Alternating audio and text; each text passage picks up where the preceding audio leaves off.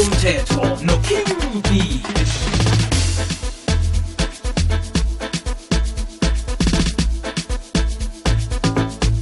right njekanje yoke into inqophile sikhwela phezu kwehlelo fakelo elithi uthini umthetho? Nekokulapho esikhamba khona-ke noligqwetha ujabulani wakwamkhonazi vane sikwenze lokhu qobe kungelesibili ukuthi siphandlulane eh hlangothini lezomthetho eh, ukuthi sidlula njani nangeke kungenzeka sibe nenqabo esihlangabezana nazo ehlangothini lomthetho. Lotsha mkhwanazi lotho biziwe siyathokoza ukukhambisana nawe kodwa namhla isingele esibili thokoza mina biziwe ngilotshise nomlaleli ukwekwezi FM olaleli ngalesi sikhathi mkhwanazi nasi indaba iyikulu khe sezwa khulunywa-ke nge-cyber bullying. Nje namhlanje sicoca eh nge-cyber crime. Iyini cyber crime? Ihlanganaphi ne-cyber bullying? Eh biziwe i-cyber crime le eh, i-crime khulukhulu eyenzeka lapha emakhompyutheni la umuntu ekungenzeka la sikhuluma nge-intellectual property eh maybe umuntu owebe i-software nofana u-interfere nedatha eh elithileko eh, emakhompyutheni nofana ekhompyutheni yomuntu nofana ekhompyutheni ekhona emakhampanini. Nokuthi mhlambe kube ne-information eh incite i-violence nofana engakhosa ukuthi eh kuphulwe impahla nofana i-property ngiyo isaba eh crime le biziwe eh nawuyihlanganisa nale i-cyber bullying. I-bullying eh kulokho umntwana nofana umuntu eh adelela lo ngendlela eh erarako ngendlela engakhosa ukuthi ekugcineni eh agcine kube umuntu othatha ubuphilo bakhe. Mara ke la kule kule cyber crime sikhulumisa kakhulu eh incophe lapha emakhompyutheni.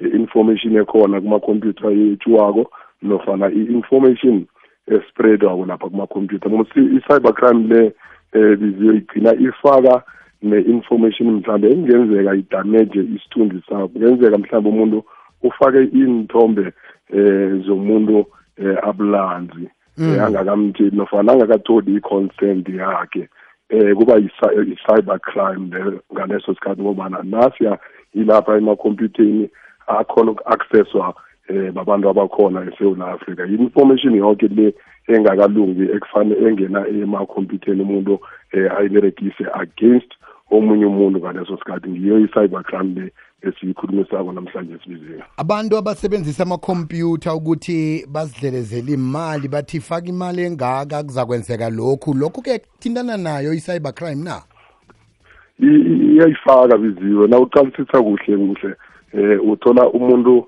eh angena ku-account yakho nge-information mhlambe eh ekhona evikelekileko eh uyakhumbula amaviki aphelileyo besikhuluma nge-poppy act evimbela umuntu ukuthi athole information yomunye umuntu.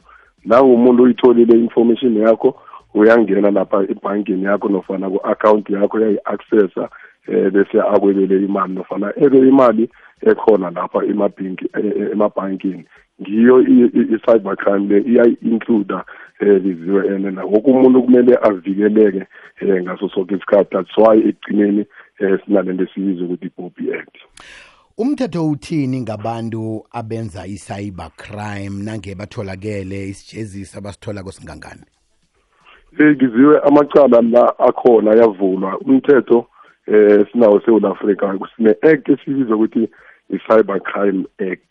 Eh nanoma iphuma eh ngama piece piece mara ke ikhona eh iyaregulate iyabereka biziwe. Umuntu otholakale enze umlando lo we-cyber crime uyaprosecute biziwe iyangena lapha etronkweni nofana kesinye isikhathi eh afayinwe akhiphe imali mhlambe abhadele loyo muntu mhlambe ngaleso sikhathi akhiphe information yakhe eh emakhompyutheni lapho. Umthetho weSouth Africa uqinile biziwe siyazibona eh isikhathini esidlulileko abantu benza ngendlela abafuna ukwenza ngayo eh khulukhulu nge-information yabantu lapha emakhompyutheni. Umthetho esinawo lo esiwubiza ukuthi cyber crime act.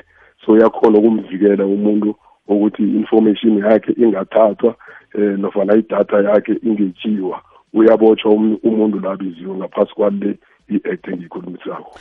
Abanye abantu bathanda ukuthenga izinto enkhompyutheni njengoba sazi ukuthi khe kwaba eh ne- nama-lockdown abantu bavaleleke emakhaya bangakhoni ukuphuma baye entolo umuntu athi awa eh angisebenzise eh ikhompyutha yami le ukuthi ngithenge lokhu nalokhu nalokhu. Kodwana-ke into ezo nafane zifike kufika into engasizo namtshana bezingafika vele. Nayo leyo ngiyi-cybercrime eh biziwa nanginjalo isuke inokudlelezeli um kusho ukuthi umuntu loyo um i-theft kuhle kuhle umuntu ozokuthi nasi into ithenge mhlambe online ekugcineni ukhiphe imali leyo mara-ke ungatholi eh into le oyibhadaleleko nofana i-value eh, yento oyikhiphele imali. Kuba yi-crime eh e- e- ekhona eSouth Africa esicategorize kakhulu la esithi khona eh, i-theft nofana umuntu loyo wenze i-fraud ukuthi udefraudile ngaleso sikhathi athethe imali yakho um nanoma ungakayitholi i-property leyo. Kumele ngaso sonke isikhathi